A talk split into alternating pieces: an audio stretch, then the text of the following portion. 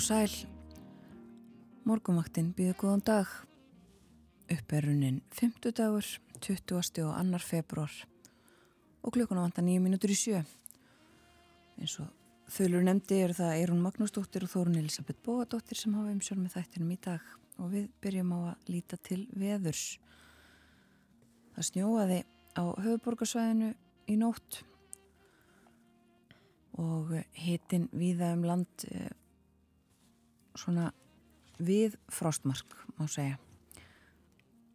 Það var einmitt við frostmark í Reykjavík klukkan 6 skíjað og hæg austanótt tveggjast eða frost eh, stafóldsei klukkan 6 í morgun. Og einstegsfrost í stikkisólmi heiðskýrt þar og hægur austan vindur fjóru metrar á sekundu einstegs hiti var á Patræksferði en einstegs frost í Bólungavík. Tvekistega frost í Littlu Ávík og allskíja þar hægur vindur.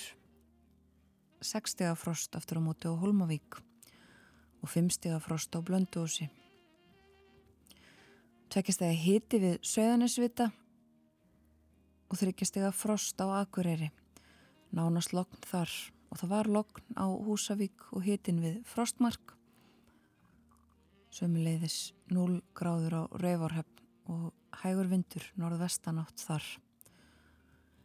Einstegsiti á skjaldþingstöðum, sunnan 7 metrar á sekundu, heiðskýrt og hitin við frostmarka á eigilstöðum. Einstegs frost á höfni Hortnafyrði og hægur vindur, tveggjastega frost á kvískerjum og þryggjastega frost á kirkjubæjaklustri, 5 metrar á sekundu þar. Og það var tveggjastega hiti á Stórhöfða í vestmannegjum, 5 metrar á sekundu þar klukkan 6 í morgun. Þryggjastega frost í Árnesi og svo er töluvert kaldara á ymsum veðuratjónastöðum á Hálendinu. 11 stega frost bæði á Káranhjúkum og Hveravöllum og 12 stega frost í Veiðvatnarhaunni en sem sagt eh, rólindisveður viðast hverjum landið og þá að spánni Það verður breytilega átt 3-10 metrar á sekundu og jél á víð og dreif fram eftir morgni en snjók koma norðaustan til og síðar um allt norðanvert landið. Það gengur í norðan og norðaustan 13-20 metra á sekundu, norðvestan til setnipartin en annars mun hægari og það verður mingandi úrkoma í kvöld og fer að læja í nótt. Það er spáð norðan 8 til 15 metrum á sekundu á morgun. Það verður jél fyrir norðan og austan en bjart viðri á söður og vesturlandi. Hiti kringum frostmark en kólnandi veður seint á morgun. En það er rétt að geta þess að það eru gular veður viðvaranir fyrir vestfyrði og strandir og Norðurland vestra sem taka gildi á hádegi í dag og gilda fram yfir minnetti og þar er spáð á vestfjörðum norðaustan 13-20 metrum á sekundu talsverðir snjókum eða skafræningi og það verður lítið skegni og vestnandi færð. Og á ströndum og Norðurlandi vestra verður norðaustan og norðan 13-20 metrar talsverð snjókum eða skafrinningur mest á ströndum og þar veru líka lítiskykni og vestnandi færð. Auðmitt og uh, það er erfið færð viða um landið. Hálkublettir eru á flestum leiðum á höfuborgarsvæðinu. Hálka, hálkublettir eða snjóþekja viða á söðvesturlandi. Sömuleiðis á vesturlandi. Hálka eða hálkublettir viðast hvar snjóþekja á nokkrum leiðum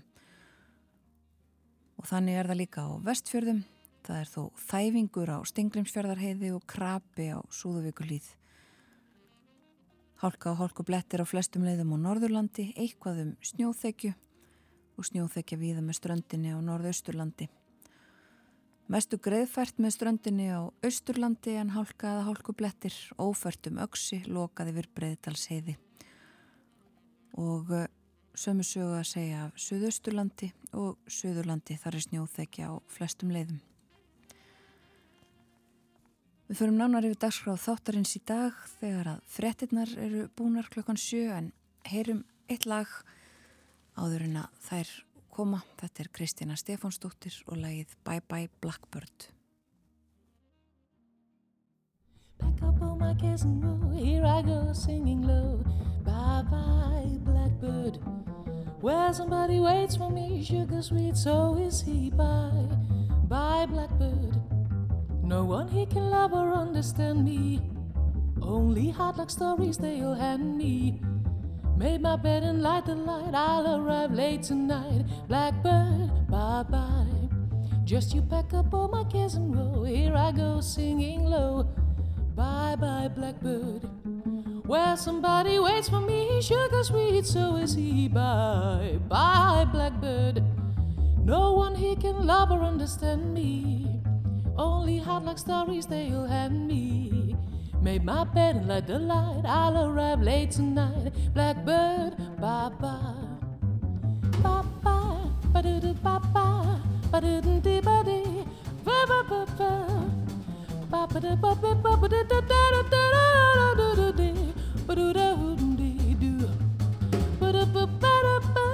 was.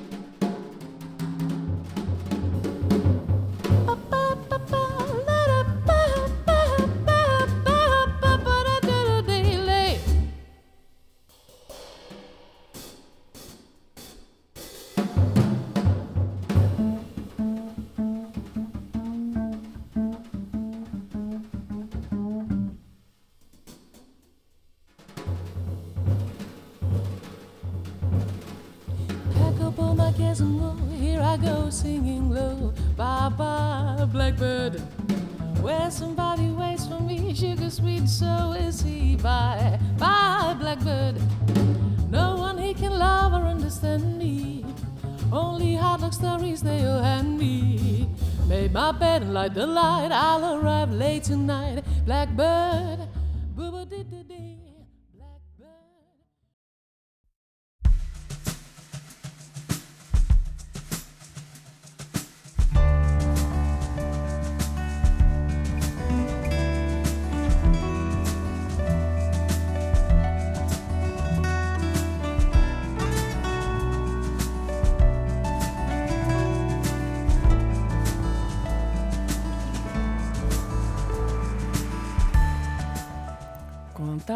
Morgunvaktin heilsar 5. dag 22. februar. Umsjón með þættinum í dag hafa Eirún Magnúsdóttir og Þórun Elisabeth Bóadóttir. Alexei Navalny hefur bæst í hóp andstæðinga Pútins Rúslands fórseta sem deyja, beint eða óbeint, vegna andstuðunar við fórsetan. Við förum yfir nokkur dæmi um þessi andlát þegar að Bói Ágússon sest við heimsklukkan klukkan hálf átta. Við ræðum líka um nýja stefnu Grænlands í utanríkis, öryggis og varnamálum þar sem stemtir að aukinni samfunnu meðal annars við Ísland. Margar spurningar hafa vaknað tengdar virði og mati á fastegnum í tengslu við uppkaup ríkisins á íbúðahúsnaði í Grindavík. Um 600 umsóknir um endurmat á brunabótamati hafa borist vegna egna í bænum. Tryggvi Már Ingvarsson, framkvæmdastjóri fastegna hjá húsnaðis og mannverkjastofnun verður með okkur í síðasta hluta þáttarins og við ætlum að ræða meðal annars um brunabótamatt. Heiða Kristín Helgadóttir, framkvæmdastjóri Íslenska sjávarklassans, kemur líka til okkar í dag. Sjávarklassin vinnur að því að ebla nýsköpun í bláa hagkerfinu í sjávarútvegi. Þó margt af að breystelins betra í nýtingu fiskafurða, fiskafurða þá má hann gera betur og síðar í dag verður fjölda frumkvöla og fjárfesta stemt saman á stefnum út hjá sjáarklassanum. Við forvitnustum þessi mál eftir morgunfréttinnar klokkan 8.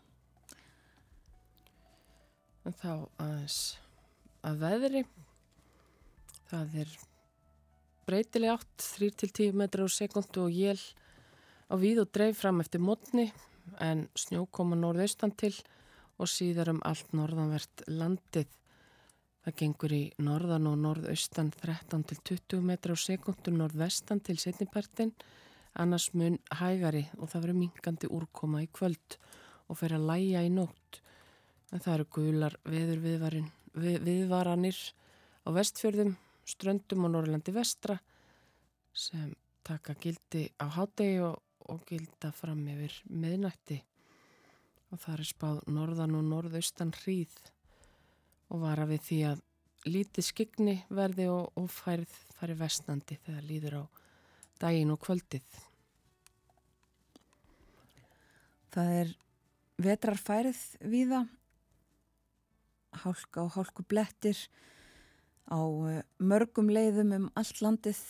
Það er líka snjóþekja víða á Suðvesturlandi og á flestum leiðum á á Suðvesturlandi afsækið og á flestum leiðum á Vesturlandi. Það er þæfingur á Stingrimsfjörðarheiði og Innstrandavegi. Snjóþekja hálka eða hálkublettir víða á vestfjörðum, krapi á Súðavíkuhlýð, segir eh, í tilkynningu frá vegagerðinni. Eitthvað um snjóþekju á Norðurlandi en annars hálka eða hálkublettir á flestum leiðum. Við sögum að segja af Norðausturlandi og Östurlandi þó er þar að mestu greiðfært með strandinni.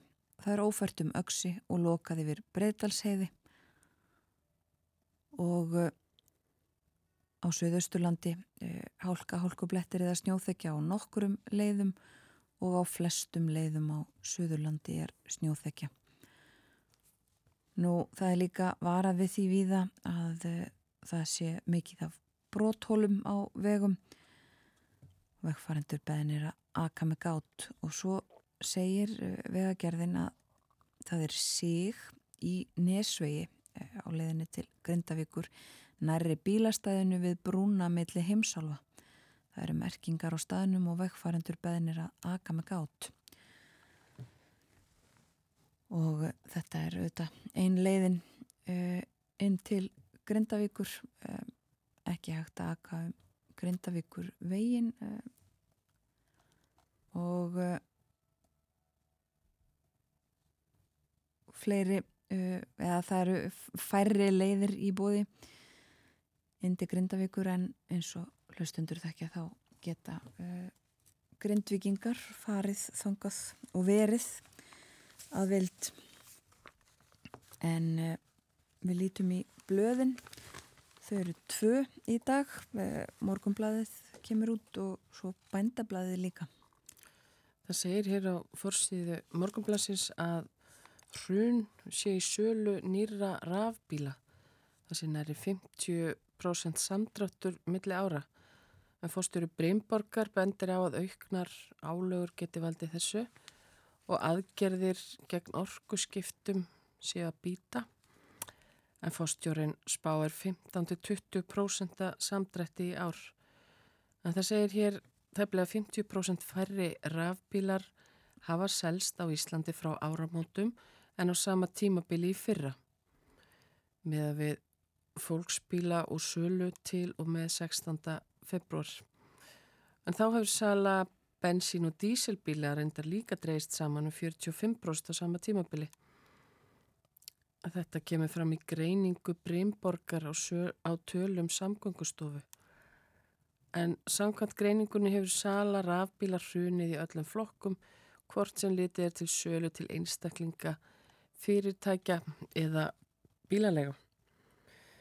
Þetta var allt fyrir séð, segir Egil Jóhansson fórstjóri Bremborgar um áhrif hærri skatta á söluna.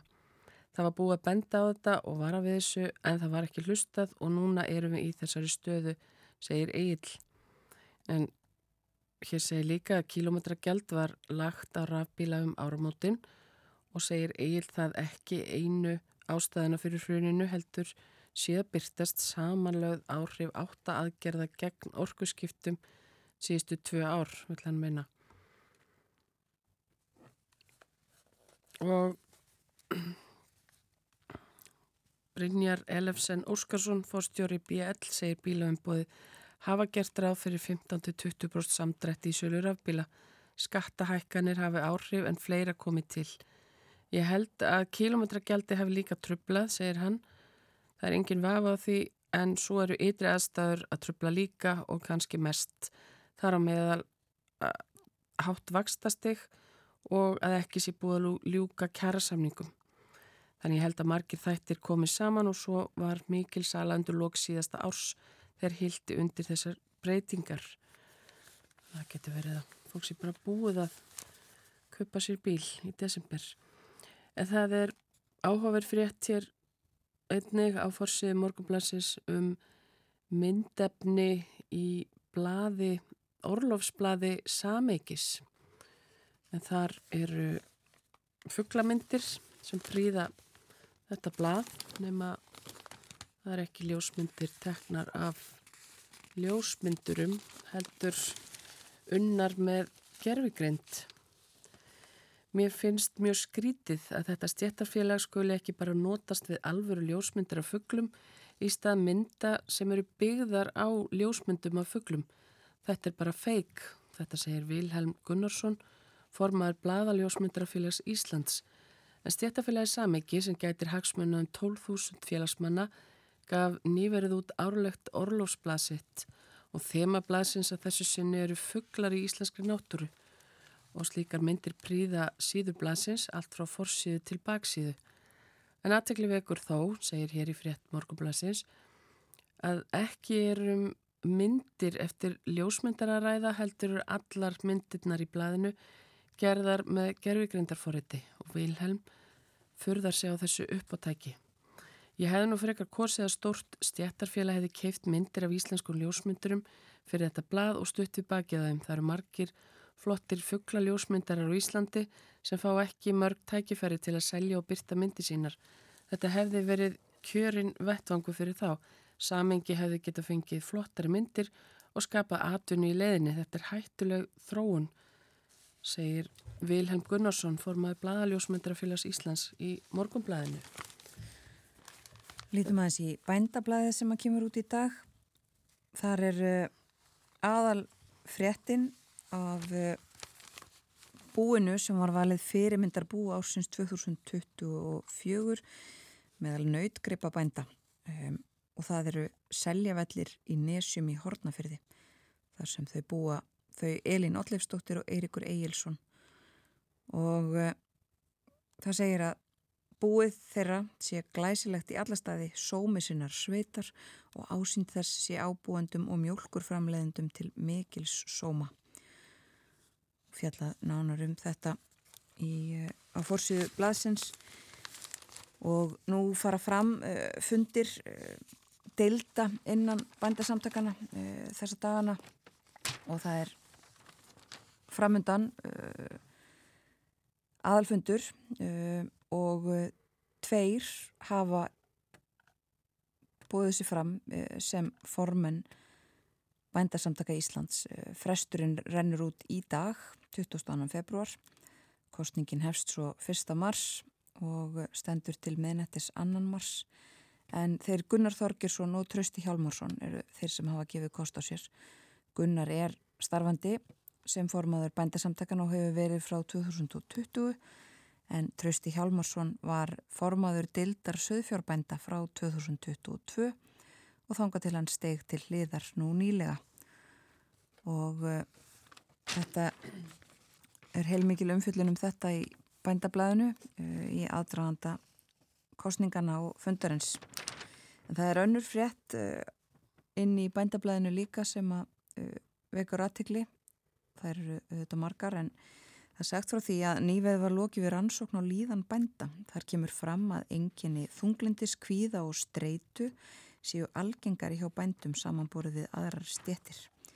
Bændur upplifaði jafnaði meira, meiri enginni streitu og þunglindis og hlutfalls líkur bænda á að flokkast með alvarlega enginni þunglindis og streitu samanborið við eðlileg enginni þunglindis og streitu eru hærri en hjá samanburður hópum.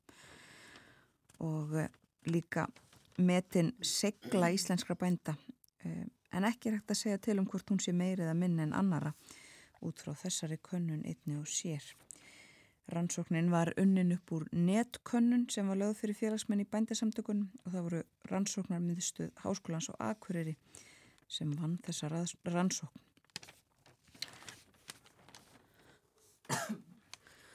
Og ég mislegt fleira já í bændablaðinu við lítum í Erlend blöð eftir stuttastund en heyrum fyrst eitt lag.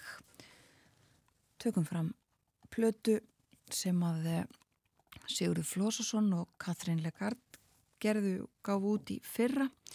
Hún heitir Stilheð og Storm og við hlustum á lagið Orets gang. Þarna er Katrín að syngja Sigurður á allt saxofón Anna Greta Siguradóttir á piano Jesper Torn á kontrabassa og Espen Lófvon Liljanskjöld á Trömmur. Þetta var tekið upp í Kaupmannahöfn árið 2022.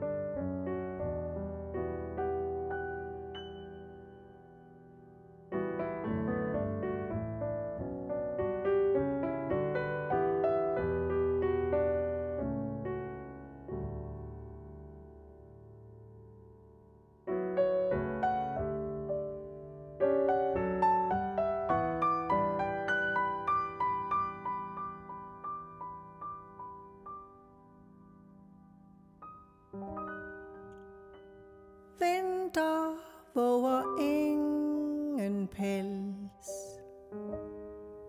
Det isner kun i sind. Sommer er et pusterum Før mørket sætter ind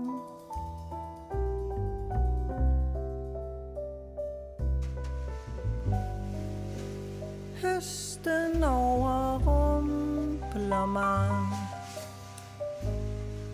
når blade falder fra. Hvor er som et ulet barn, der ingen mor har. Om årets blok jeg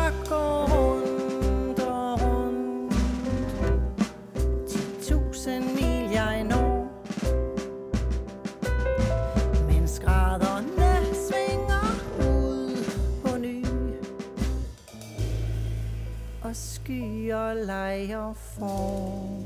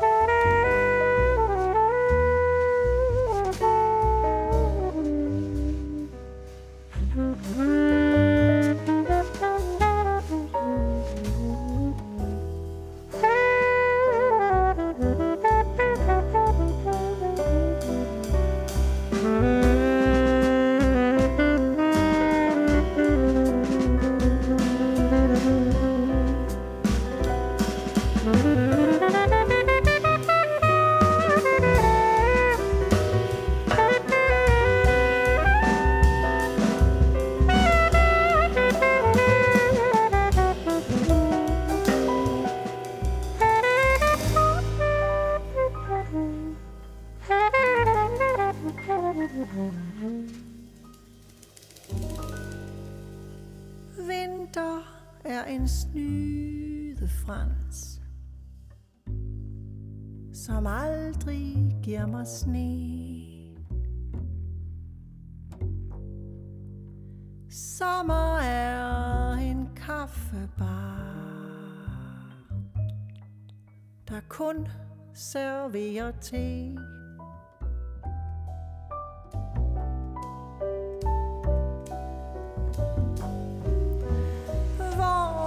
Tænder bål og brand Mens hjerter går i tu.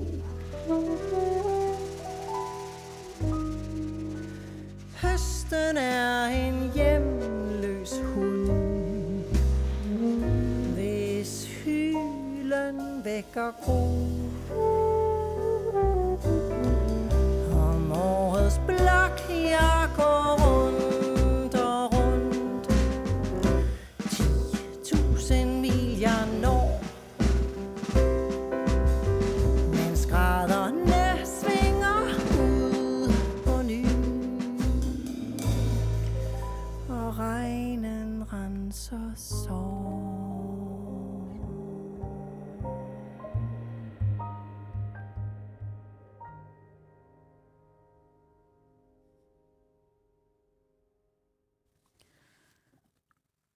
Úrets gang heitir þetta lag.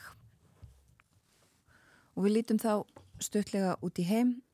Það er ímislegt uh, á fórsvíðum erlendra blada í dag eins og alltaf uh, það er fjallað um uh, nýja skýrslu sænsku öryggislaurglunar á fórsvíðum sænskra blada meðal annars uh, sagt að Svíþjóð sé uh, vænlegt skotmark í eh, ekki síst fyrir njóstnir við ætlum að ræða þetta uh, stuttlega þegar að bója Ágússon sest við heimsklukkan hér eftir nokkrar mínútur.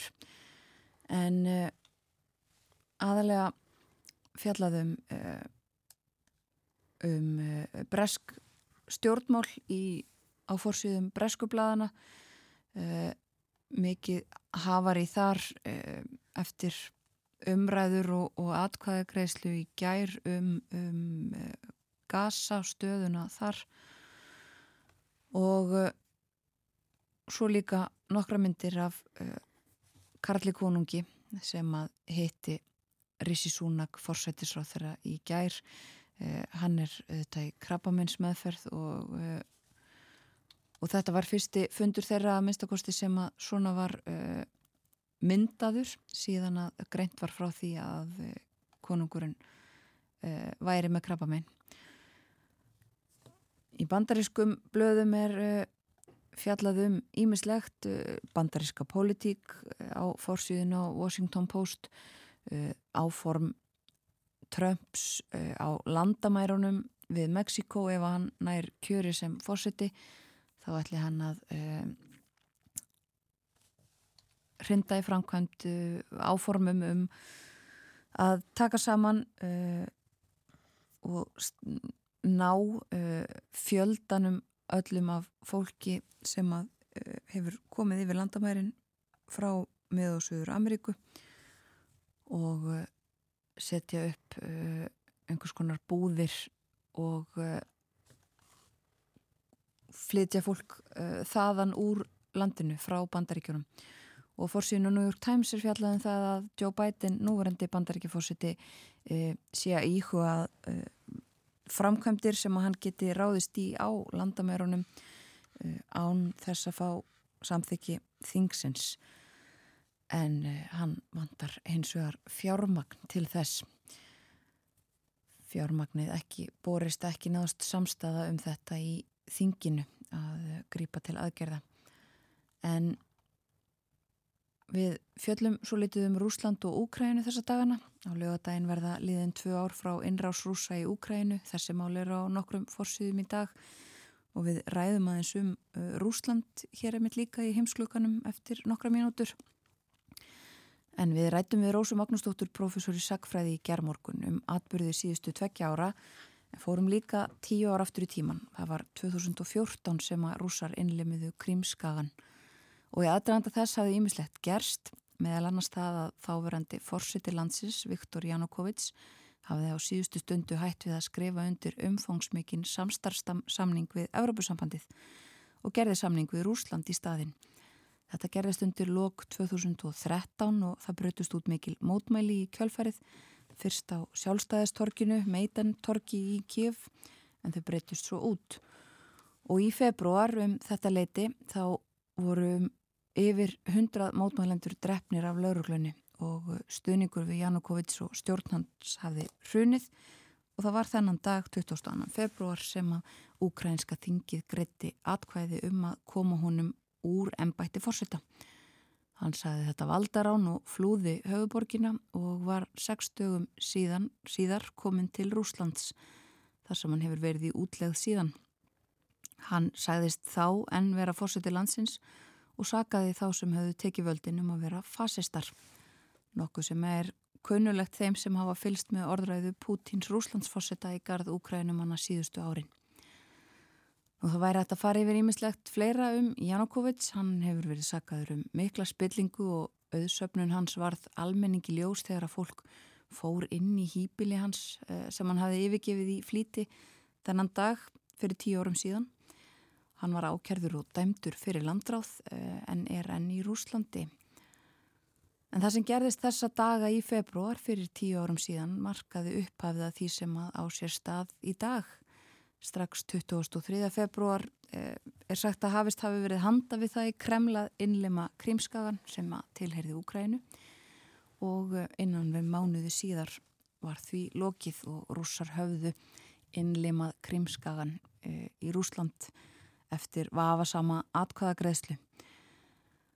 Þetta var aðeins um Úkrænu og sem fyrir segir þá ræðum við um Rúsland hér á eftir. Við ætlum að fara yfir nokkra þeirra sem að uh, hafa uh, látist beint eða óbeint vegna andstuðu sinnar við Pútín Rúslandsforsetta.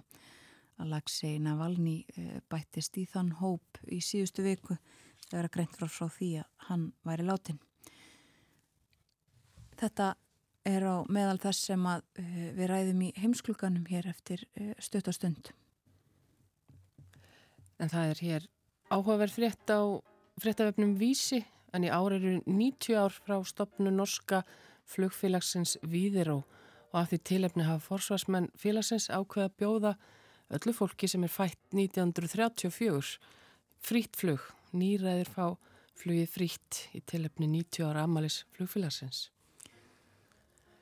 Það líður að yfirleiti morgunfrétta, kemur eftir eh, tvær og halva mínútu og eh, svo er það heimsklökin eins og fyrsaði. Sælóni,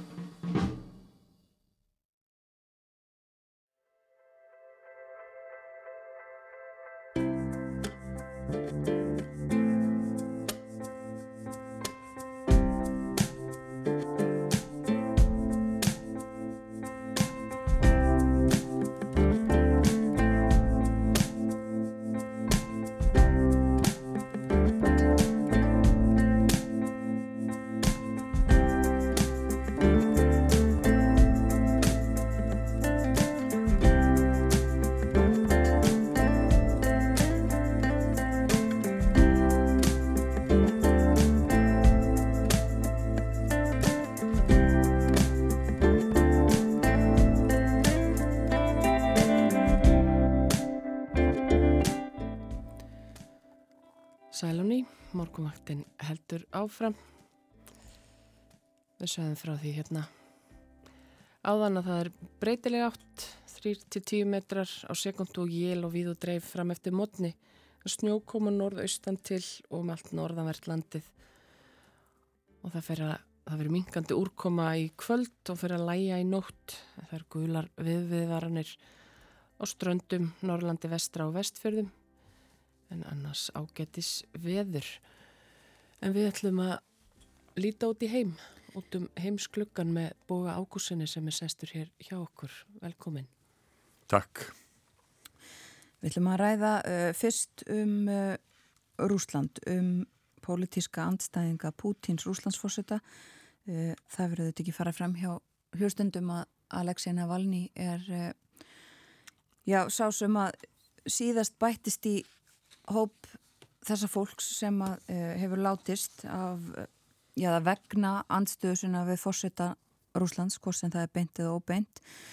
Það verður ekki enverið það verður enginn fengið aðgang að honum, eh, móður hans hefur eh, var sagt frá því ekki að hún hefur höfða mál, það er ekki alveg ljóst hvað eh, nákvæmlega gerðist en allavega búið að staðfesta það að hann er látin og hann er eins og við segjum langt frá því að vera svo fyrsti Hann er sko verulega langt í frá að vera svo fyrsti og hann má eiginlega segja alveg frá upphafi valdatíðar Pútins þá hafi ímis sérkennlu örlug Uh, dunnið yfir pólitíska anstæðinga hans og fólk sem hefur gaggrínt hans og hans stjórn. Þetta er eiginlega bara langur morðþyrill, getum við sagt.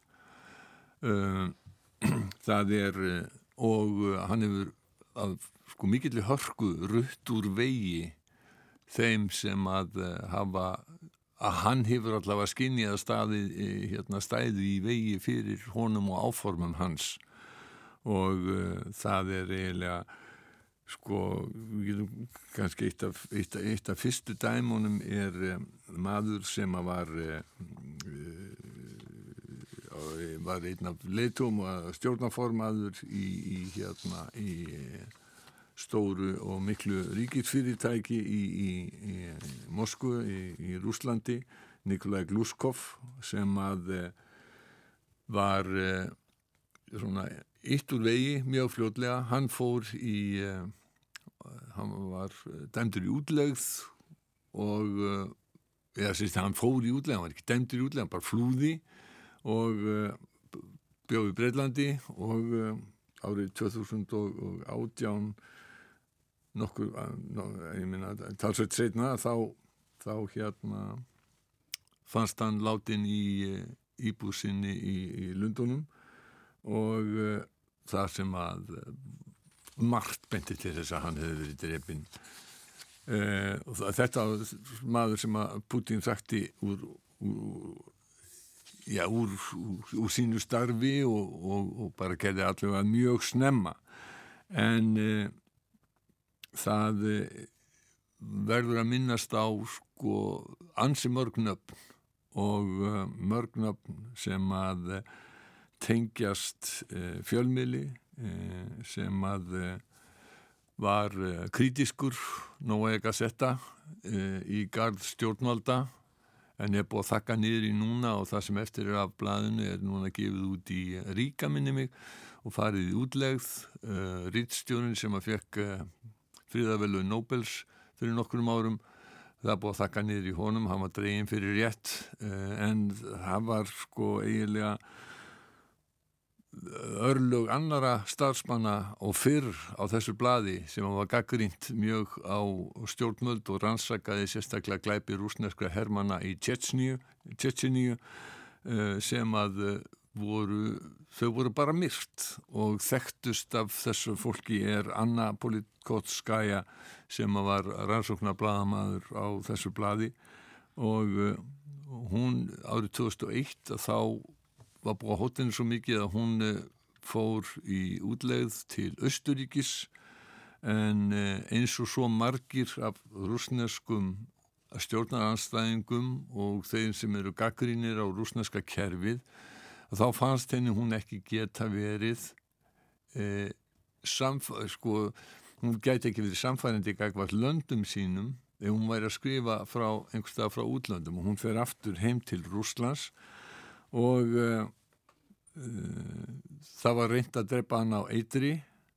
uh, 2004 hún lifði það af það er ekki sá fyrsti sem að reynd er að drepa með Eitri og það er Eitrið Novichok oft sem kemur mjög oft í sögu. Mm -hmm. svona uppáhalds Eitur Putins og hans kona.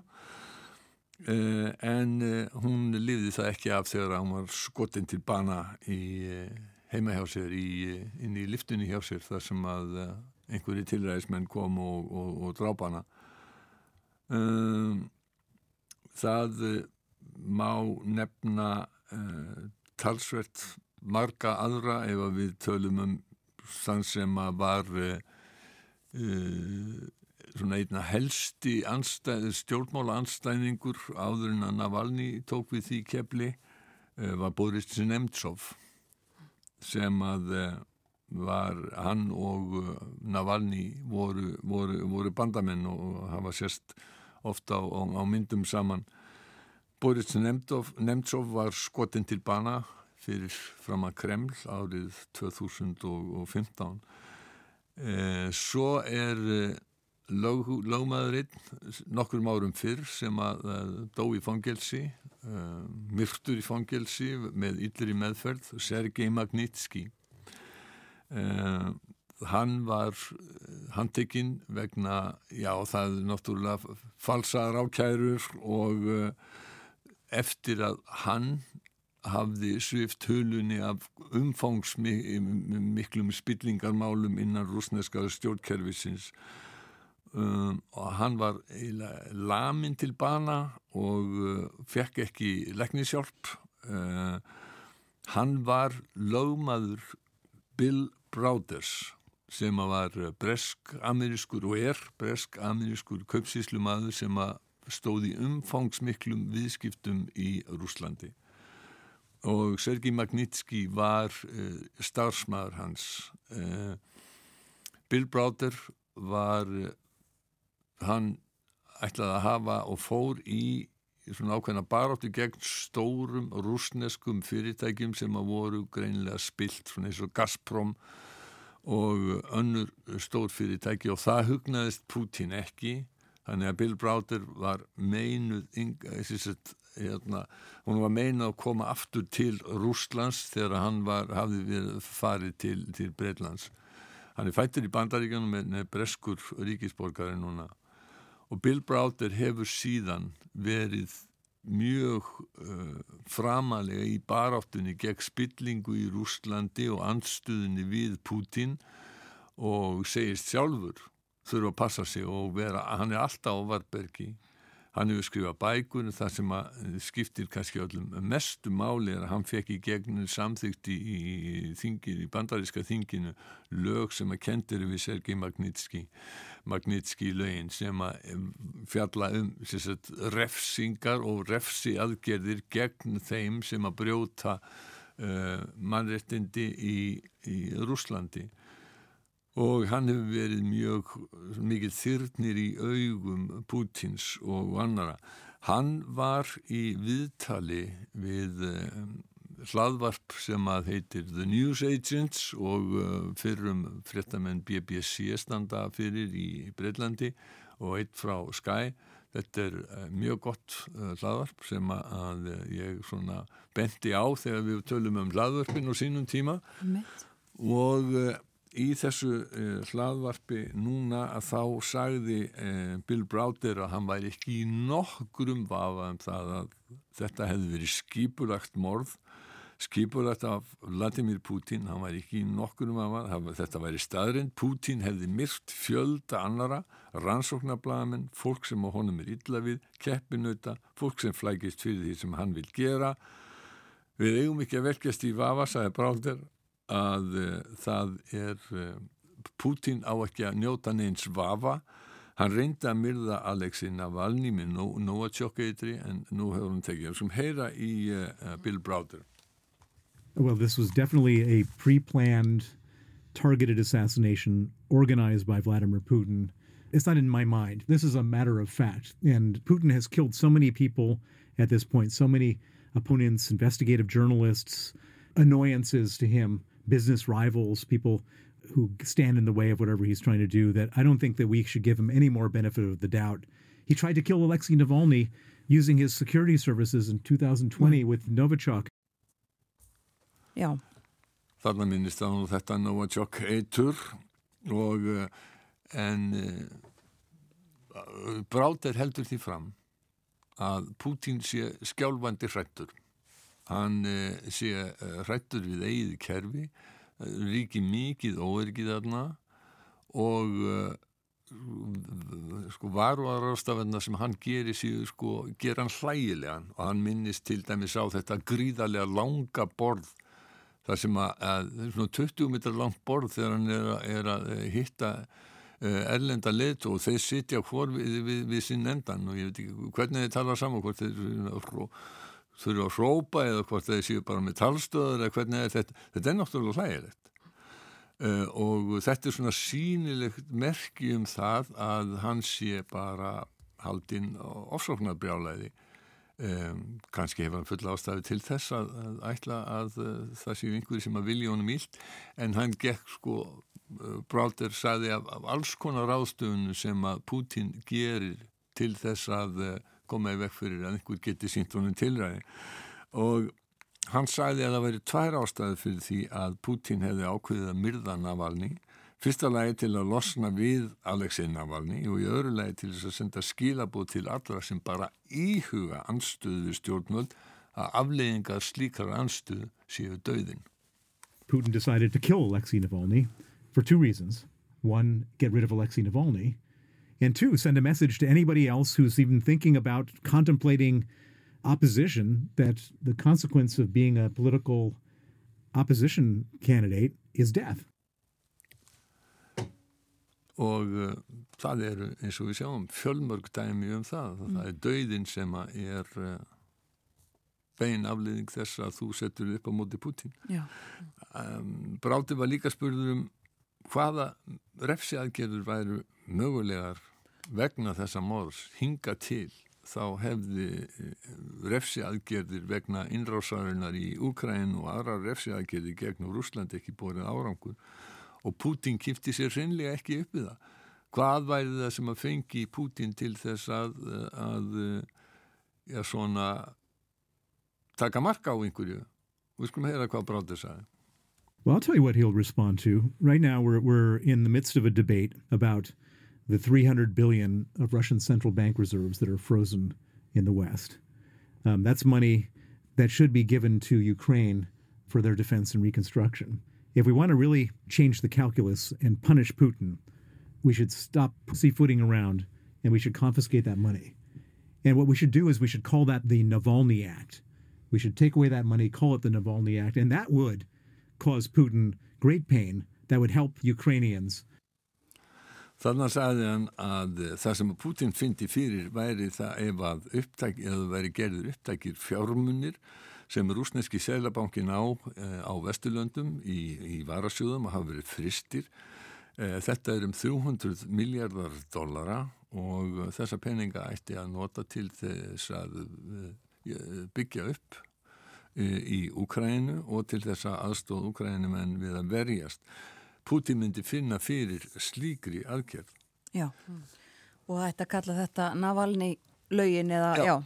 Einmitt, alveg eins og Magnitski löginni hafa verið, eh, sko, það er náttúrulega svo, ef, ef við bara lítum að því sem að snertir Ísland, eh, við, Íslandingar hafa veitt eh, stúrkum sem voru í anstöðu hópnum og hljómsveitinni Pussy Riot, eh, íslenskan ríkisborgarétt þær urðu fyrir barðinu á uh, þessu rosalega kerfi sem að Putin hefur komið upp. Eh, ég ætla bara að nefna nokkuð nöfn og þið kannski þekkið eh, ekkit endilega öll þessi, öll þessi nöfn. Denis Voronenkov, hann var eh, anstæðingur Putins sem var drefin skotinn eh, í Kænugarði, Kíf, 2017. Hann eh, hafði verið í liði Pútins uh, á þingi en uh, hann uh, snýrist gegn honum og flúði til Ukrænu en það duði hann ekki, hann var skotinn þar. Blamadurinn Orkan Zemal og tveir samstagsmenn hans voru myrtir í miðafriku líðveldinu þar sem að þeir voru að rannsaka framferði Vagner Hópsins þar Uh, og uh, á, þetta, er, þetta er 2018 uh, á sama tíma að þá sluppu tveir eh, anstæðingar Putins Julia Latinia og Pjóður Vesilov Se, þau, það var reynd að eitra fyrir þeim. En talandi um Wagner-hópin að þá náttúrulega getum við ekki annað en minnst á Jevgeni Prigósin sem að var leitt í Wagner-hópsins og gerði uppreist gegn, gegn Putin Akkurat. og þeir virtust hafa sæst sáttin náði svo langt sem fram að þeim tíma er Prigósin fór upp í flugvel á samstagsmönnum sínum og flugvelin fórst. Og talið er að hún hafi verið skotið nýður um, síðan getur við nefnt manni eins og Alexander Subotin sem að var einn af þeim sem að annarkort hefur dottið út um glugga eða stitt sér aldur. Það er ansi margi sem hafa dottið niður stiga og, eða, eða út um glugga. Um, ímsar útgáfur af þessu. það eru ímsar útgáfur af þessu uh, og uh, Pavel Antov hann var rúsnesku miljardamæringu sem gaggrindi Putin og hann fór síðan og til að halda upp á, á, á afmæli á, á Indlandi. Þeir fóru þrið saman eitt er að dó úr hjartaáfalli og Pavel Antov hann dó þarna líka sem að hann var einn af þessum sem hann, hann, hann sem sett fjell út um hótelgluggan Já. Einn af mörgum, fólk hefur fallið út um glugga á, á geðveikra spítölum og annað.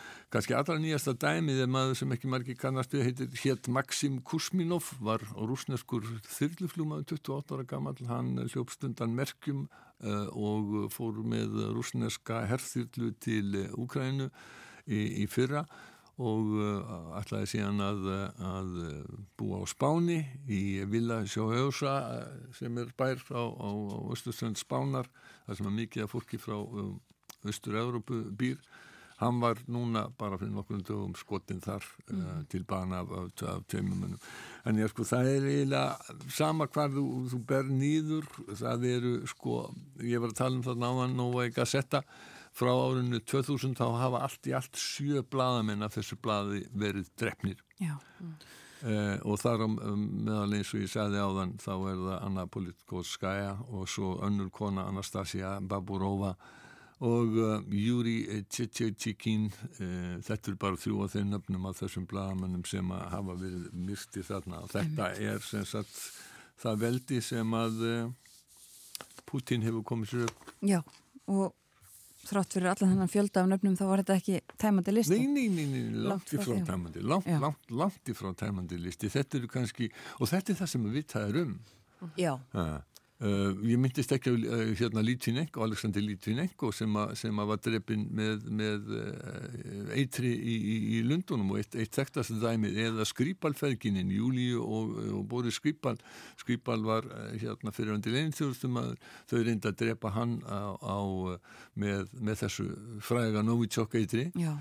þau sluppu numlega en var bresk kona sem að hérna, sem að dó í, í, í því tilræði og leinþjóðstumennir saðist hafa verið að þetta var í Sólsbury á Englandi þessu, þessu við, við vorum bara að koma og skoða Sólsbury í domkirkina ósvípnin uh, í, þessu, í þessu liði er nánast alveg ótrúlega Já. Jú að stuttlega að ræða Já. mál sem að kannski tengist þessu uh, skýrsla sem að uh, örgislauruglan uh, í Svíþjóð Já. var að gefa út. Já, SEPO um, gaf út í gær skýrsla sem kynntu ógnanir við Svíja og það kemur fram að þeim standi stafi mest hætta af Rúslandi. Svo eru Kína og Íran nefnd Charlotte von Essen sem er yfirmaður Seppo sagði að fríði væri ógnar og ástandið í fyrirsjáleiri framtíð yrði, yrði hættulegt. Um, það stæði hætt af rúsneskum njósnurum og tilraunum til þess að hafa áhrif á umræðu og almenningsálit auk þess sem að hernaðarókn, bein hernaðarókn stafaði frá, uh, frá, frá rúsum. Mm. Uh, uh, hættan frá Kína og Íran væri annars vegar ásælni kínverja ásamt rúsum á norðurslóðum og hættan frá Íran hún tengdist hriðjaverka og og þá kynnti grænlenska landstjórnin í gær, utaníkis, öryggis og varnamálastefn og þar kemur meðal annars fram að það skulle stemtaði kynni samvinni við Norður-Ameríku og Ísland. E, þetta er stefnumótun til næsta áratugar og aðinni standa allir flokkar og þingi nema einn sem er nalirak þannig að músum yfirgnefandi meiri hluti grænleiska stjórnmálamanna stendur að þessu og þessi skiptur auðvitað stærstu máli í þessu er að stærstu flokkarni EA og síumút sem hafa skiptum skipta á að fara með stjórnfórustu þeir eða verið saman í stjórn þeir, þeir eru einhú um þetta.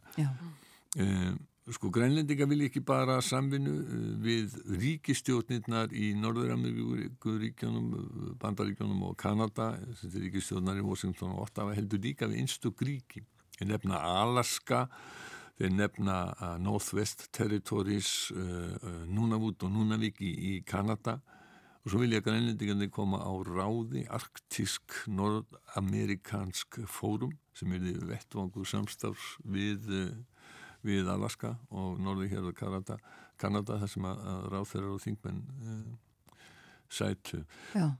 Í stefnumótunin segir einni að það beri auka samstarf við Íslandinga, sérstaklega í ferðarþjónustu, samgöngumálum og hvað var þar endur nýjanlega græna orku og svo segja þeir að þeir eigi að líta til Íslandinga til sem fyrirmynd um almannavarnir og uh, telja að, að þeir geti mikið lært af Íslandingum hvað almannavarnir uh, varðar. Já. Akkurat og þessi skísla uh, kynnti í gær. Hún var kynnti í gær. Já. Mm. Við ætluðum hér aðeins í lokin bói að fara til Fraklands. Við náum því nú ekki ef að nefna samt Jó, tilefnið. Nefnum tilefnið. Það er, nú er ég eins og henni vestu plöggarar, eins og við segjum. Ég er að benda hlustendum heimsklukkans á það að á morgun klukkan fjögur á rás eitt að þá verður vínil vikunar sem að verður með frönsku söngunni Sass Þetta er uh, hljómleikaplata frá 2015 sem heitir uh, Sula Rút og uh, Sass er, er kona sem er sko, rúmlega fyrstu. Hún, þetta er listamannarnafn Isabelle Geoffroy. Hún fættist 1980 og ég algjörlega fjell fyrir þegar ég heyrða hana fyrst þannig að, að þó ég tala enga frönsku og, og sko þurfum við að, að þýða textana yfir á ennsku með, með einhverjum þýðingaforritum þá bara, ég, ég get ekki hana en ég bara algjörlega fjall fyrir henni þannig ég hvet alla unnendur góðra tónlistar og ekki síst franskar tónlistar og þessar fransku sko, fransku hefðar sem svona fransir að hlusta á morgun klukkan fjögur þegar Já. við heyrum í, í, í SAS og kannski hafið þið tíma til að spila eitthvað með henn á eftir. Við ætlum að reyna það. Takk fyrir í dag Bói Ágússon. Takk sem við leiðis.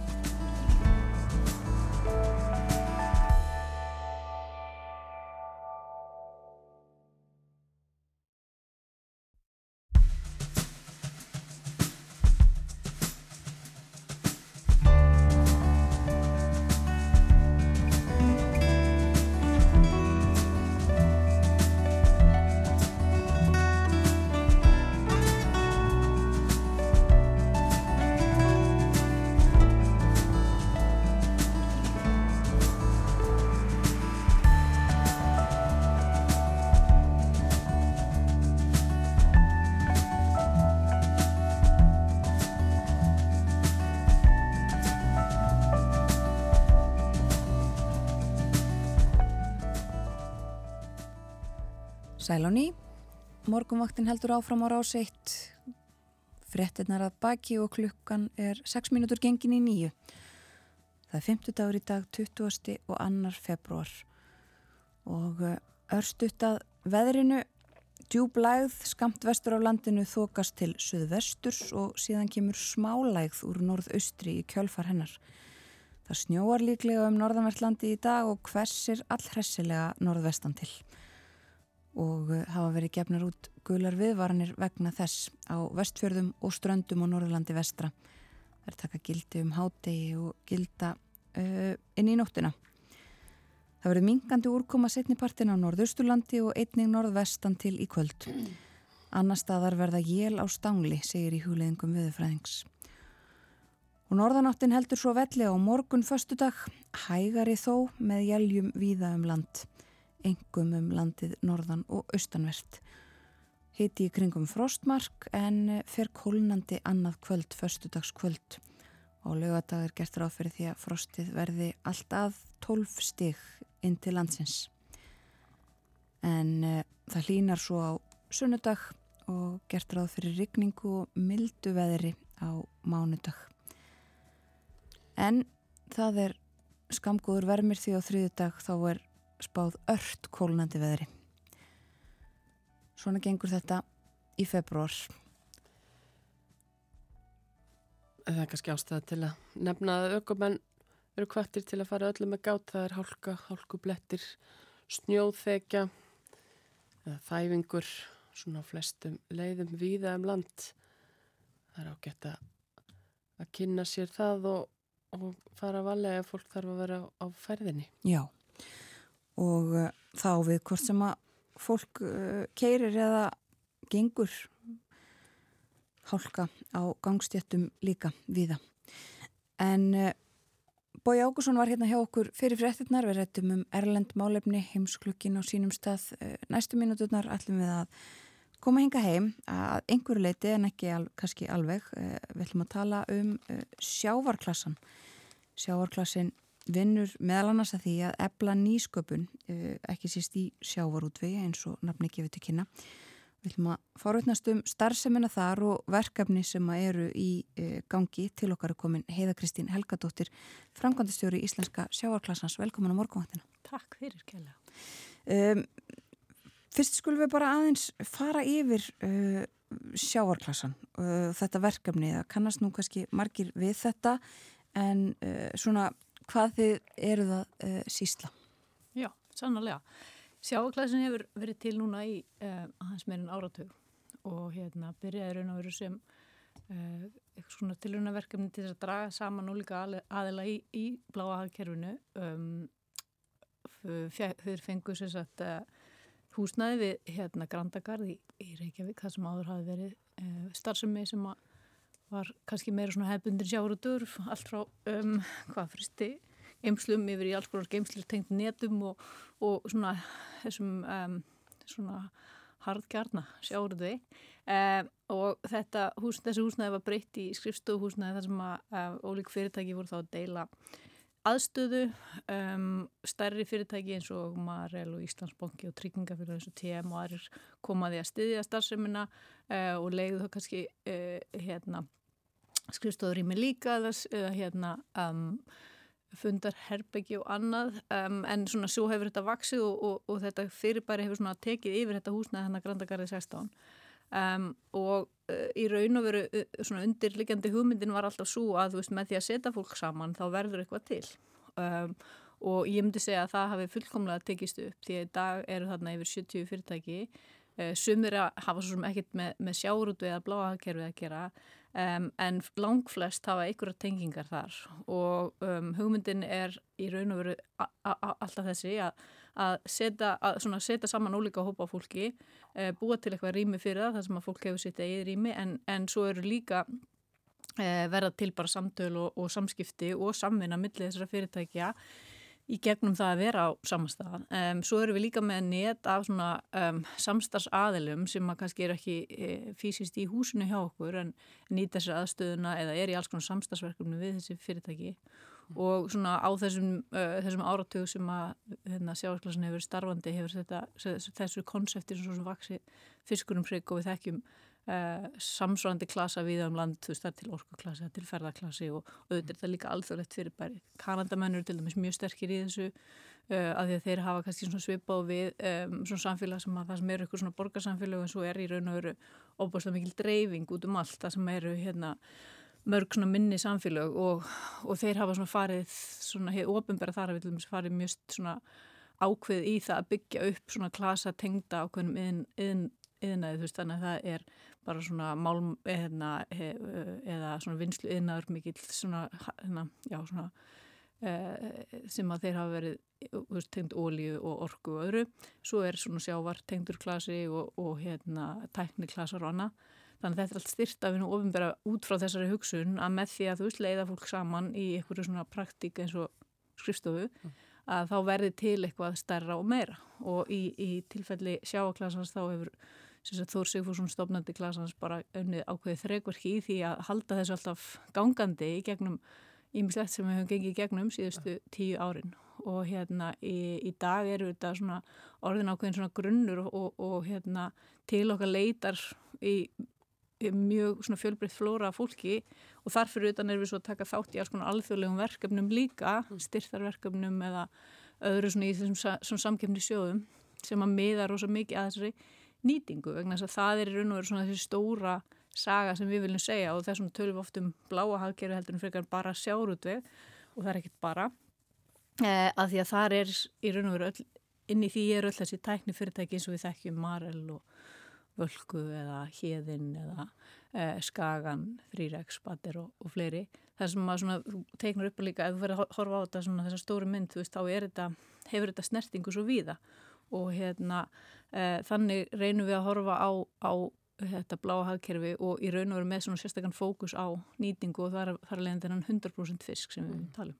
Þannig að innan þessa bláa hagkerfis það, það rúmast í rauninni allir sem koma af því að búa til einhvers konar virði úr því sem kemur úr hafinu. Já, Já.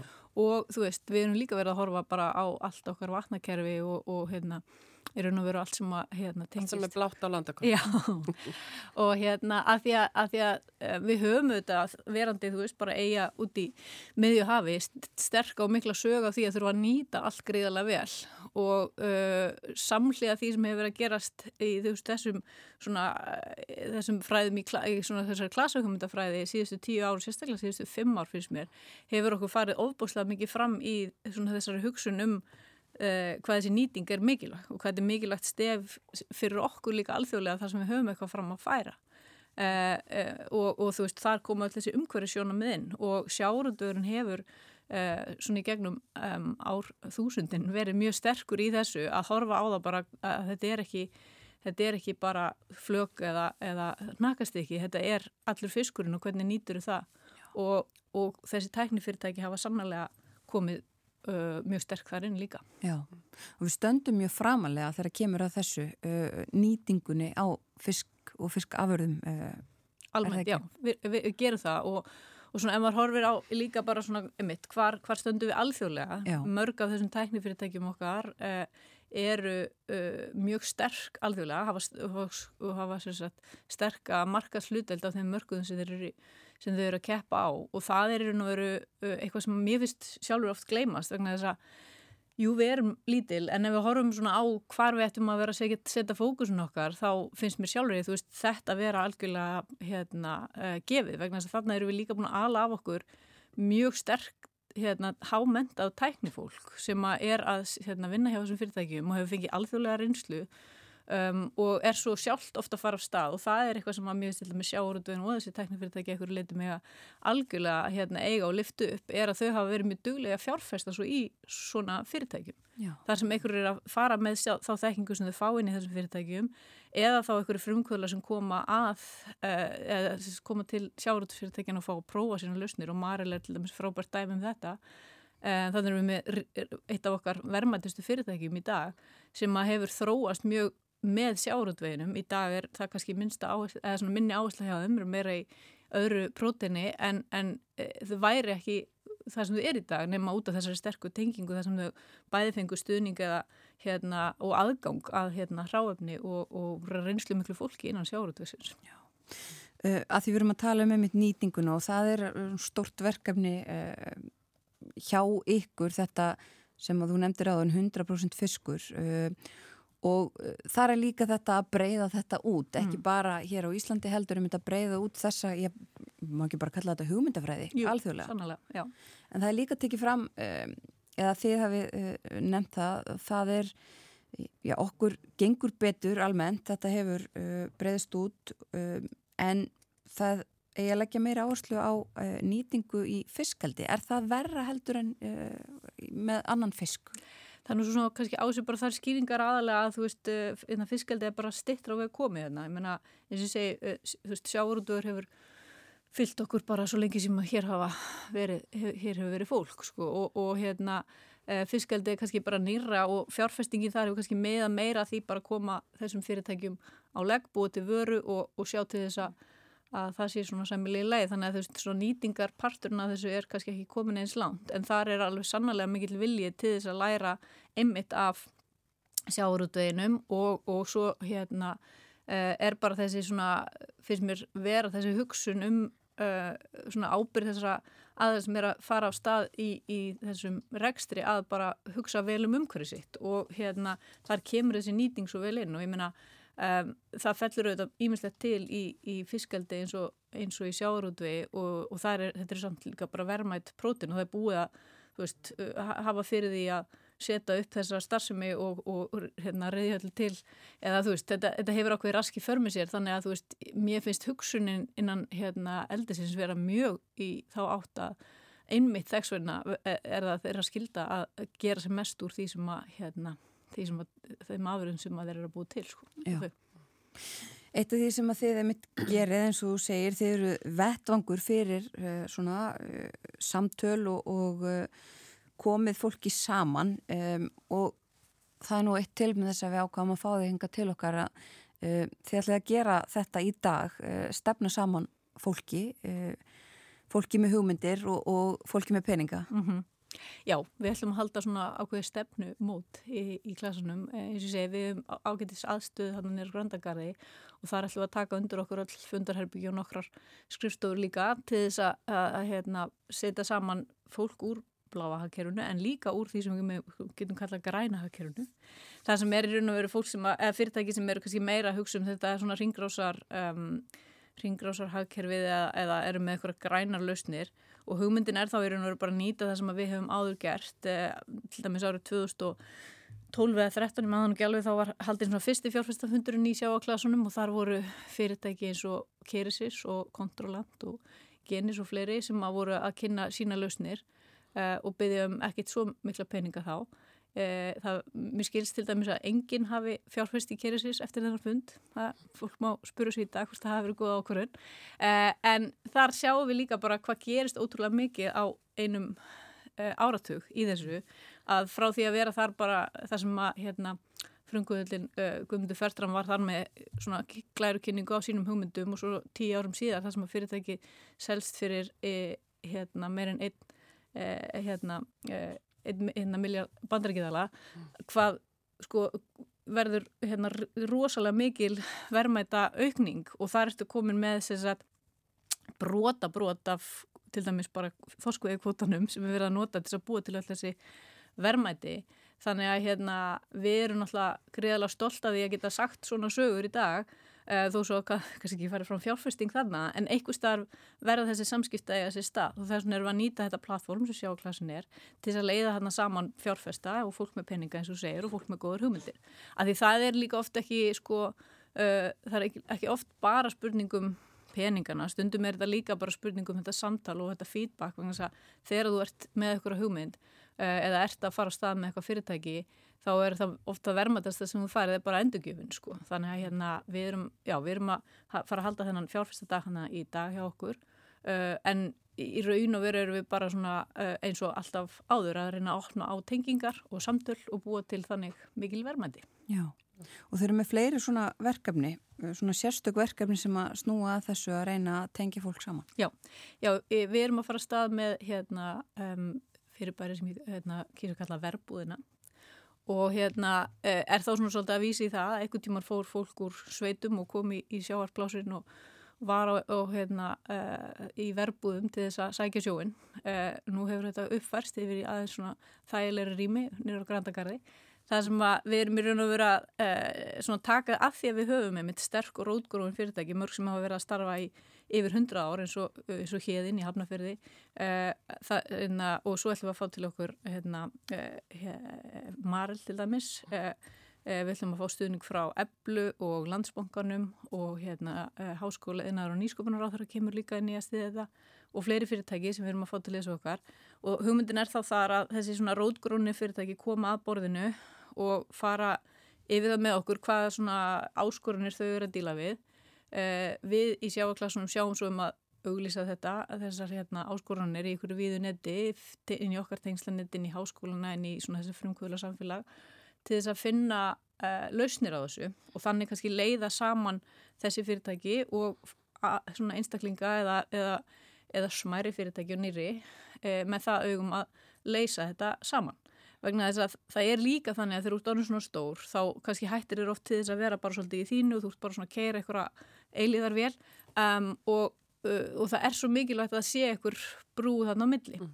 og þessu verkefni hefur gríðarlega vel tekið og við erum mjög spennt að fara á stað með þetta vegna þess að það er líka skiptir þarna máli eins og þessi endurgjöf sem við varum að tala um áðan að oft þegar þú ert eitthvað staður svona og hérna úti í þínu frumkvöla svona geimi þá heldur að eitthvað virki sem þú veist ekkert hvort virkar nema að þú testir það. Mm -hmm. Þannig að þetta er líka svona vettvangur fyrir það. Þannig að hérna við erum bara um, já, alltaf að finna eitthvað nýja leiðir til þess að tengja og búa til eitthvað meira spennandi. Já.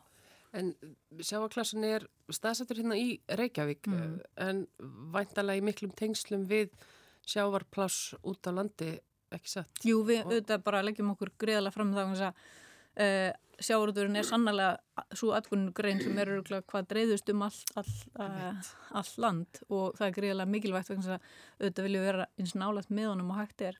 Um, þannig að þú veist, jú, það er einhver fysisku staður en hugmyndafræði á sér ekkert lögheimili þannig að hérna, við reynum að, að tegja okkur sem viðast og erum í, í góðan samskiptum við sjáuröldusfyrirtækjum all land og myndum vilja gera ennþá betur í því sko. þannig að hérna samanlega Hefur einhverja tölu yfir það, heiða Kristín, uh, hvað eru mörg svona uh, fyrirtæki eða margar hugmyndir, mörg störfi í þessum svona nýsköpun, þessar nýsköpun í þessu hagkjöru?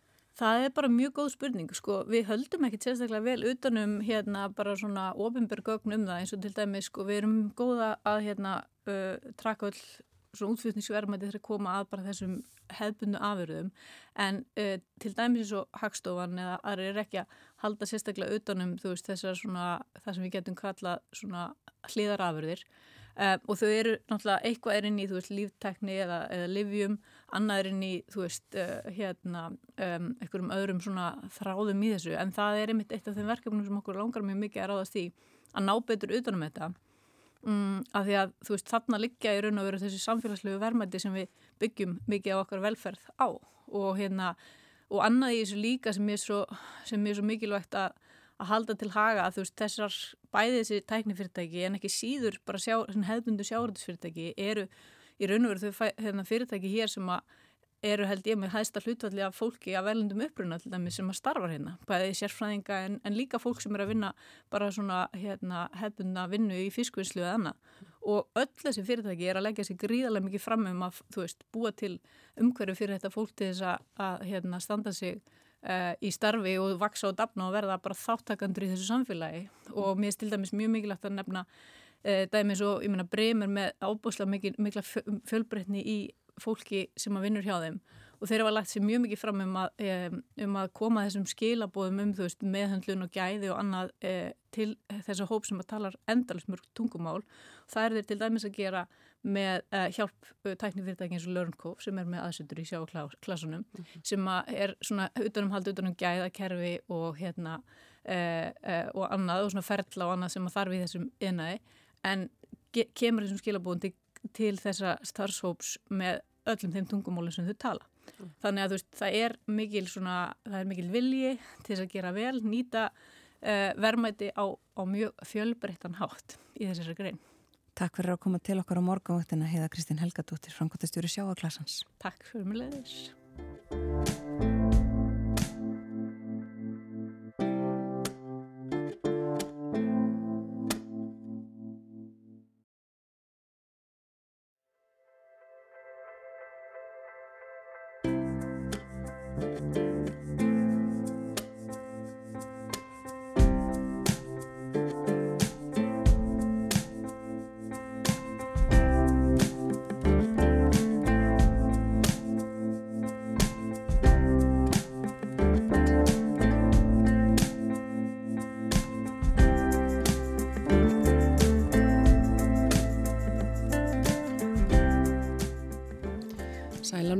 Morgunvaktin heldur áfram, við rættum hér aðan við Heiðu Kristínu Helgadóttur, framkvæmtastjóra sjávarklassans og litum út um heimskluggan með boga ágúst sinni fyrir í þættinum. En við ætlum að ræða um fastegnir og Grindavík.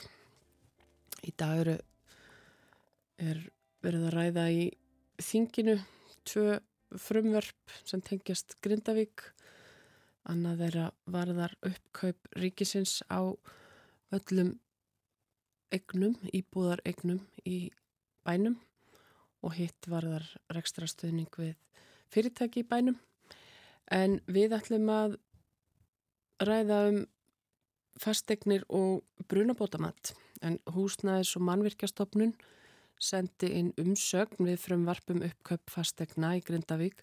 Stopnunin gerir ekki aðtóasemtir við að notast sér við brunabótamatt við útrekninga en bendir þó á í sínu umsögn nokkur atriði sem kunni að valda áskorunum í framkvæmt eins og það er orðað.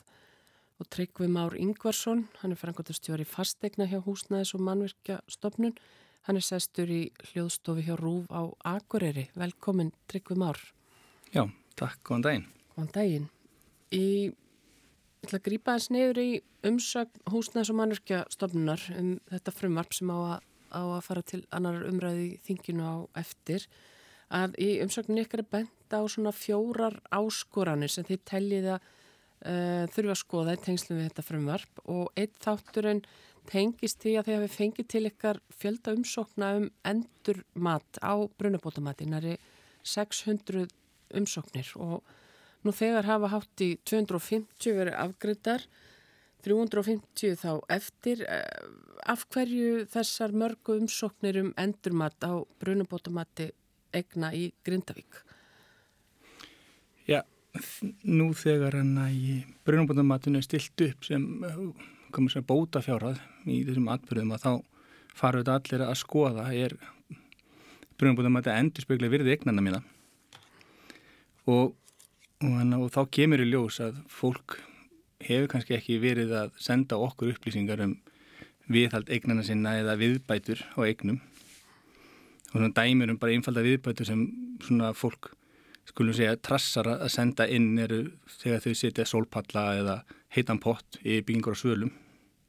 En þetta kemur svona sem til aukning og bröngbátumandi.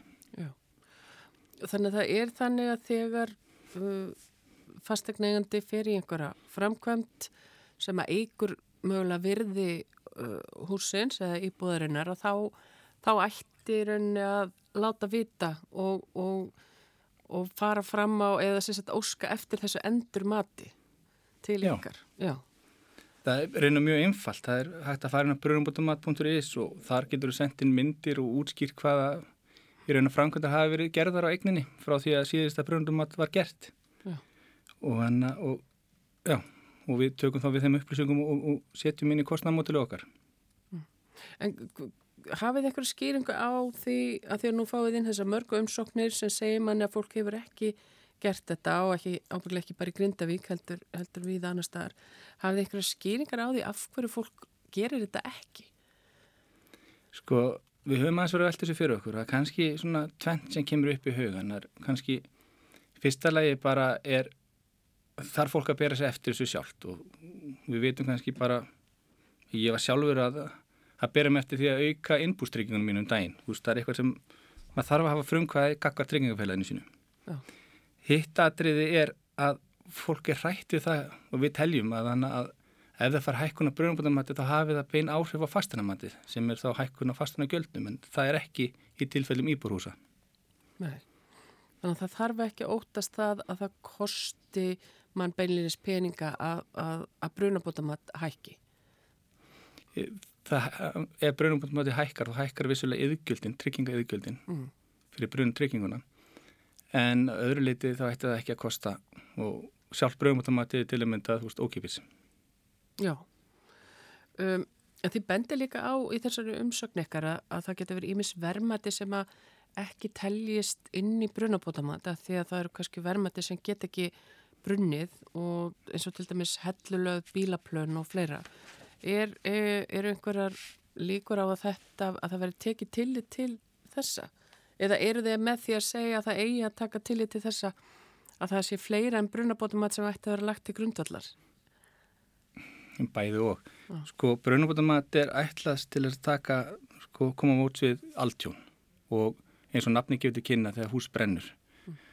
og brunabótamatti er samsett á annars vegar sko, byggingakostnaði sem er síðan afskrifað með til til aldurs og hins vegar förkunarkostnaðar það er alltaf gert ráð fyrir að eignin sé byggð aftur upp á sama stað.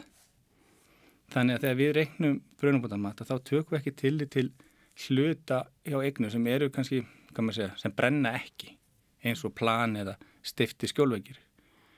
Og við höfum verið að sjá dæmi um kannski parhús þar sem hann að ég eh, annar eigninni þá er hann að ég mala plan og, og hann að ég eh, timburpallur og timburskjólveikir og hinn húsinu er uppbyttað hann að ég stift plan og með stiftum skjólveikum og stiftu hann að ég stiftum palli. Og þá kemur eigni sem er með timbrinu herra út í bröðumkvæmtamati og við höfum bara svona verið að benda það veist, það er svo kannski rétt nálgun gagvart tilgangi bröðumkvæmtamansins en þegar það er notað þessum tilgangi þá kemur svolítið skakt út. Já, Já því þannig er þetta ekki um, um alltjón vegna bruna að ræða. Þannig er ekki um alltjón vegna bruna, já. Nei. En, og við hefum líka verið að benda það veist að inn í brunabóndamati er ekki lóðaverð, gatnagerðarkjöld veist tengikjöld eða frávitur og en með þú veist það endur speklar ekki virði markasvirði eignana, það endur speklar hvað kostar að endur byggja húsa á sama stað. Já, þannig að það er í rauninni ekki í þessum reglum um brunabóndamati er ekkert gert ráð fyrir þessu möguleika að það sé verið að nota þetta uh, sem í þessum tilgangi eins og þið nefni Nei, þannig séð. Um, þið leggja einnig fram tillögu í þessari umsögn um að settur á fót sérstök nefnd til að höndla ágreiningsmál. Uh, af, hverju, af hverju þessi nefnd? Mm, sko, uh, í þessu tilfelli sem við erum að vinna núna þá er fólki okkar, þessi starfsmenn mínir, þeir eru að, er að meta eignir sem er að koma til bótagreysna oftast næra þá sagt, þegar atbyrju gerist þá metur ekki eignina eftir á. Með þetta er svolítið öðruvísi en kannski þetta vennilega fyrirkomuna þess að fólk óskar eftir endumætt er ósáttu endumætt þá ætti að mála fara til úrskurðunemndar úrskurðu yfirfastunum að snemdar. En í þessu tilfelli að þá erum við svona raun og verið að meta fyrirfram, ég getum kannski sagt tjón eða bætur já. Og þetta er auðvitað rosalega viðkvæmt. Fólk er hann með allt undir við erum þegar farin að fá fyrirspilnur um það veist, að fólki finnst mati ekki endur spekla nákvæmlega og fólk er að bera sér saman við nákvæmlega og, og önnur svona sambalið mannverki og við teljum raun og veru við þurfum bara að fá uh, eh, sjálfstæð starfandi, sérstaklega úrskorunum sem tæki bara málinu greinda ykkur sem myndur þá ná að fjallum máli heilstætt og, og hann að og kannski innan þess tímarama sem ætlast þetta til. Já, Já það eru þetta kannski ekki sérstaklega hraðvirt ferlið eins og það er núna með að við svona mikinn fjölda af mögulegum ágreiningsmálum? Nei, uh, við, við teljum að það væri ákveðsumlega að hæri hraðara í þessu tilfelli, já. Já, já. Það var greint verið að því bara í fréttum hérna, frétta yfirliti núna rétt á þann að, að grundvikingar, það er búið ákvað það að, að eða sérsett uh, fjárlagarnemnd og efnahags- og viðskiptarnemnd leggja það til, leggja til breytingar á þessu frumvarpu um uppkaup og meðal annars er einn breytingin að eigendur fái rýmri tíma til, a, til að ákveða sig en þannig að það er, það er, það er margt að gerast í þessu bara eiginlega akkurat núna og svo er þetta rætt í þinginu á, á eftir mm -hmm. en uh, aðeins varðandi brunabótamatt svona almennt séð um, sko þú segir að að fólk, eða þið, þið hafið áttað eitthvað kannski á því að fólk, fólk er trekt til að, að, að hérna sækja um þetta endurmat og kannski reynilega hugsaður ekkert út í þetta eða, eða áttast ekki á því að, að það sé allast til þess að um þetta endurmat sé sótt. Um, er eitthvað sem er hægt að gera? Hafið þið gripið til einhverja aðgerða til þess að svona hvetja fólk til þess að láta meta egni sínar upp á nýtt? Já, við erum búin að síðustu tólum mánu svona málaflokkurinn færðist frá þjóðskráður til HMS fyrir eh, einu, eða eh, tæpum tveimur árum. Og við svona kjölfari fluttu við málaflokkin til Akurar og við erum sérstaklega teimi hér á Akuri sem síðan um bröðumbandamatti og við hefum svona verið að fóta okkur á nýju í þessum málflokki og verið að skoða hvað eru tækifæri og, og, og hvað er hana hvað eru áskorun? Og það er meðlens þetta að okkur finnst fólk stana, að eignir vera vanmennar og við höfum verið að taka bú okkur til vinnulista og senda áskorunir til húseganda um að að senda okkur upplýsingar. Við getum ekki veist, einhliða endur skoða brunabóndamæti okkur vantar alltaf upplýsingar frá húsegandunum sjálfum. Já. Þannig að við sendum núna til og með í haust 3000 áskoranir og við fengið viðbröðu mörgum þeirra en allavega þúsund þeirra hefur ekki, hef ekki teirt frá. Ég bara skora fólk á að skoða á Íslandsmöndur Ísjá sér hvort það eigi póstjá okkur í póstólunu og, og bregðast á við og eins bara það fólk sem telur sig að hafa farið miklar, við, mikið viðhald og mikla breytingar veiklunum sínum að, að fara inn á brunubótamat.is og, og, og óskæftar endurmati. Ja í hverju fælst þetta endurmat? Kemur einhver, kemur einhver matsmaður á svæðið eða er þetta allt saman rafræn samskipti? Eh, þetta er fyrst og fremst rafræn samskipti. Mm. Við erum með samtænta tekníkar að allar það breytingar sem við gerum eru alltaf á grunni tekníka eða samtæktra gagna frá, hannunagagna frá hana í setjafélagi og svo fáum við ljósmyndir og lýsingar frá eigundum og ef við erum í einhverjum vafa þá komum við á staðin. En tryggvað því þú nefnir að þetta verkefni tengt brunabótamatti hefur færist yfir til, til húsnæðis og mannvirkjastofnunar fyrir ekki svo lengur síðan. Þetta verkefni tengt Grindavík er líklega heldur starra í sniðum en, en því hefur kannski áður, hafið áður séð. Er, hefur ekki verið bara Uh, já, hvernig, hvernig hefur þetta svona gengið fyrir sig? Hvernig hefur ykkur gengið að, að, að anna öllum þessum umsóknum og, og bara, já, hvernig, hvernig hefur þetta verið síðustu mánuði hjá ykkur? Frá því nógur? Það er, alveg ljósta, við erum að fá margvall fleiri umsóknir, við erum að fá svona sex mánuða skamt á einu mánuði, hvort sem er um umsóknir, símtölu eða fyrirsputnir og við svona má kannski segja að við höfum verið kaffart og þetta er ekki bara núna umsóknir frá Grindavík, heldur er þetta vitundavakningi og fleirum, við erum að fá umsóknir vitt og breyttur landi núna um endum að tvarstegna og bara fyrir utan Grindavík þá ætlum við líklega að fá svona fjórfall fleiri umsóknir um endum að þau tek Grindavík bara frá. Með því að þetta er áskorun fyrir okkur og við erum svolítið fljóta að vaksa núna. Og hefur þá verið bröðist við, hefur bætt við fólki eða eitthvað slíkt eða, eða hvernig Hvernig náðu þið svona auka hraðan í, í vinslu þessara umsókna? Við erum svona, hefur ekki verið bættið fólki en þá. Við höfum tekið þetta svolítið með yfirvinnu tíma og, og, já, já. og bara að, að vinna lengri tíma á daginn. Já.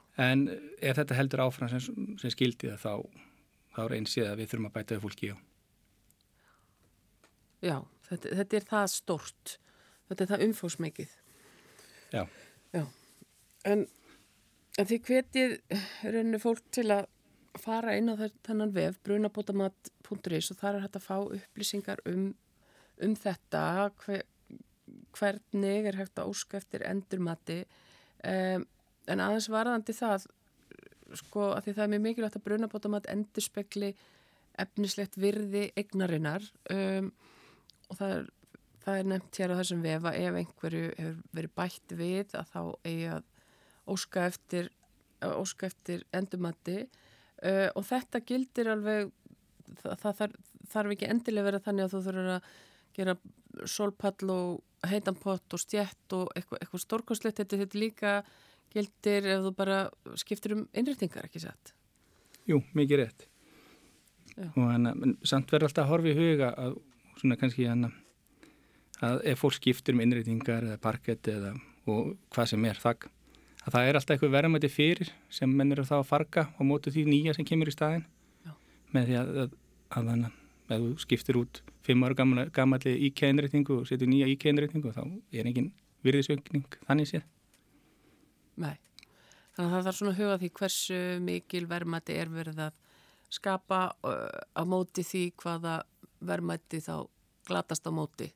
Akkurat. Og, já, og þannig að hver og einn verður svolítið að reyna að leggja mat á það, en það eru ágætis upplýsingar um þetta hérna innan þessum VF séu, þar eru tekinn dæmi um, um viðbætur við brunabótamat, dæmi um endurbætur og, og, og útskýrt mjög vel hvernig er hægt að senda inn beðinu um endurmat brunabótamats.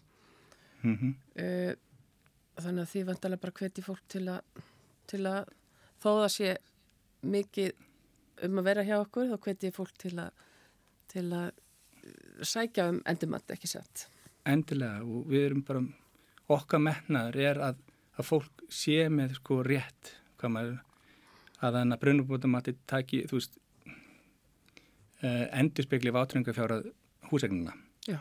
og það er ekkert leðilar fyrir okkur en að fá símringingu eftir bruna eða tjón þar sem fólk er með oflátt unna mat og við höfum alveg dæmi þess að þannig og þannig að fólk er búið að fara í gríðalar endurbætur og það er kannski bara síðustu metrunum að það kveiknar í og, og egnin hún uh, raun og veru tapast á fullu og að, það er alltjónu egninni og það er ekki búið óskæftur endurmætti þannig að, að viðkomandi er ekki treyðu fyrir þessu.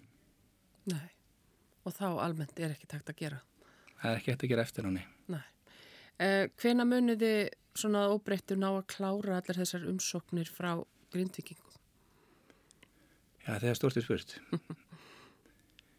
uh, við erum bara að vinna nokkuð þétt í þessu núna. Við erum að vinna allir við ekki cirka 50-80 umsóknar á viku.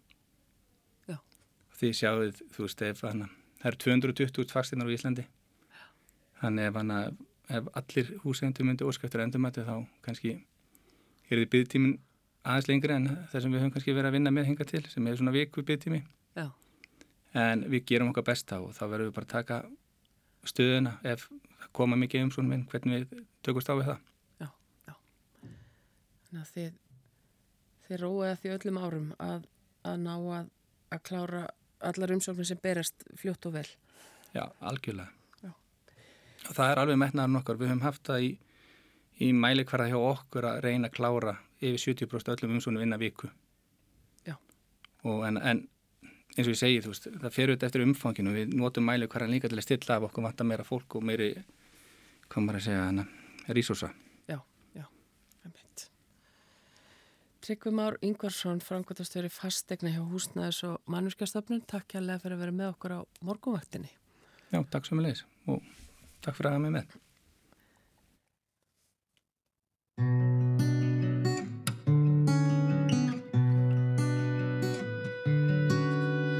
le ciel de Paris s'envole une chanson. Mm. Elle est née d'aujourd'hui dans le cœur d'un garçon. Sous le ciel de Paris marchent des amoureux.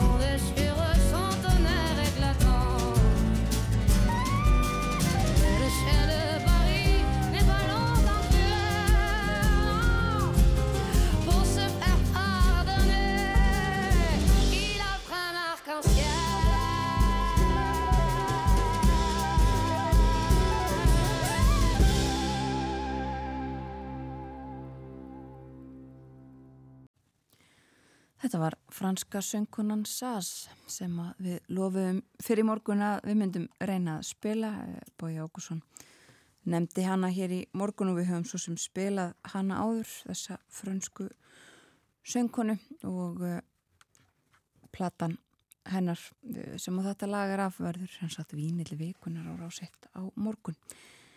En uh, þetta var síðasta lægið í handriti morgunvaktarinnar í dag. Við rættum hér áður en við lekum lægið við Tryggvam á Ingvarsson, hann er framkvæmdastjóri fastegna hjá húsnæðis og mannverkjastofnun og tilefnið um, brunabótamatt í Grindavík nú þegar að stjórnvöld hafa ákveðið að notast við brunabótamatið í uh, viðmiðum um uppkaup á eignum grindvikinga og uh, húsnæðis og mannverkjastofnun bendi á ímislegt varðandi þetta í sinni umsögnum um frumvarpið þarum meðal annars það að, að það myndi ekki nást að óbreyttu að um, klára mata á öllum fastegnum í Grindavík áður en að fresturinn til þess að taka afstöðu um uh, sölu uh, rinni út. Hann átti að renna út samkvæmt frumvarpinu 1. júli en nú hefur litið dagsinsljós nefndar á lit og breytingatillögur uh, um þetta þar sem að gert er ráð fyrir að, fólk hafi lengri frest, það hafi út þetta ár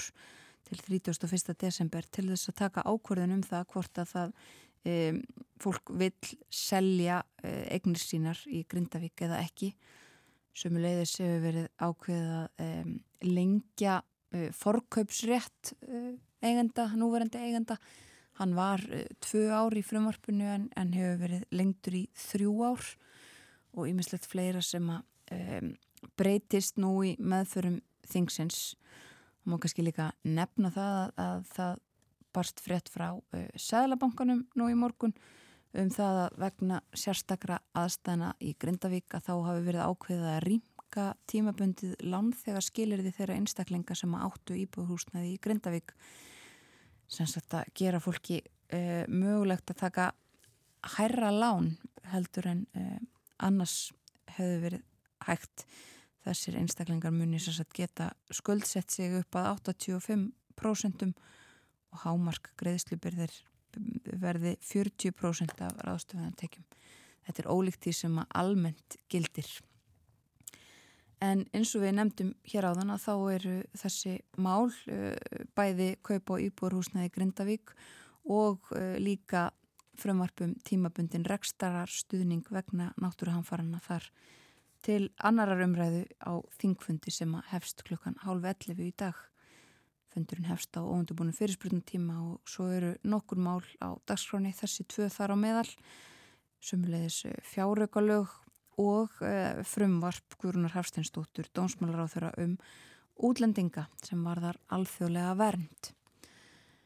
En morgunvaktinni er lokið þannan 50 dags morgunin. Við hefum verið hér frá því snemma í morgun, Eirún Magnúsdóttir og Þórun Elisabeth Bóadóttir. Þökkum samfélgina og vonum að þið njóti dagsins. Verðið sæl.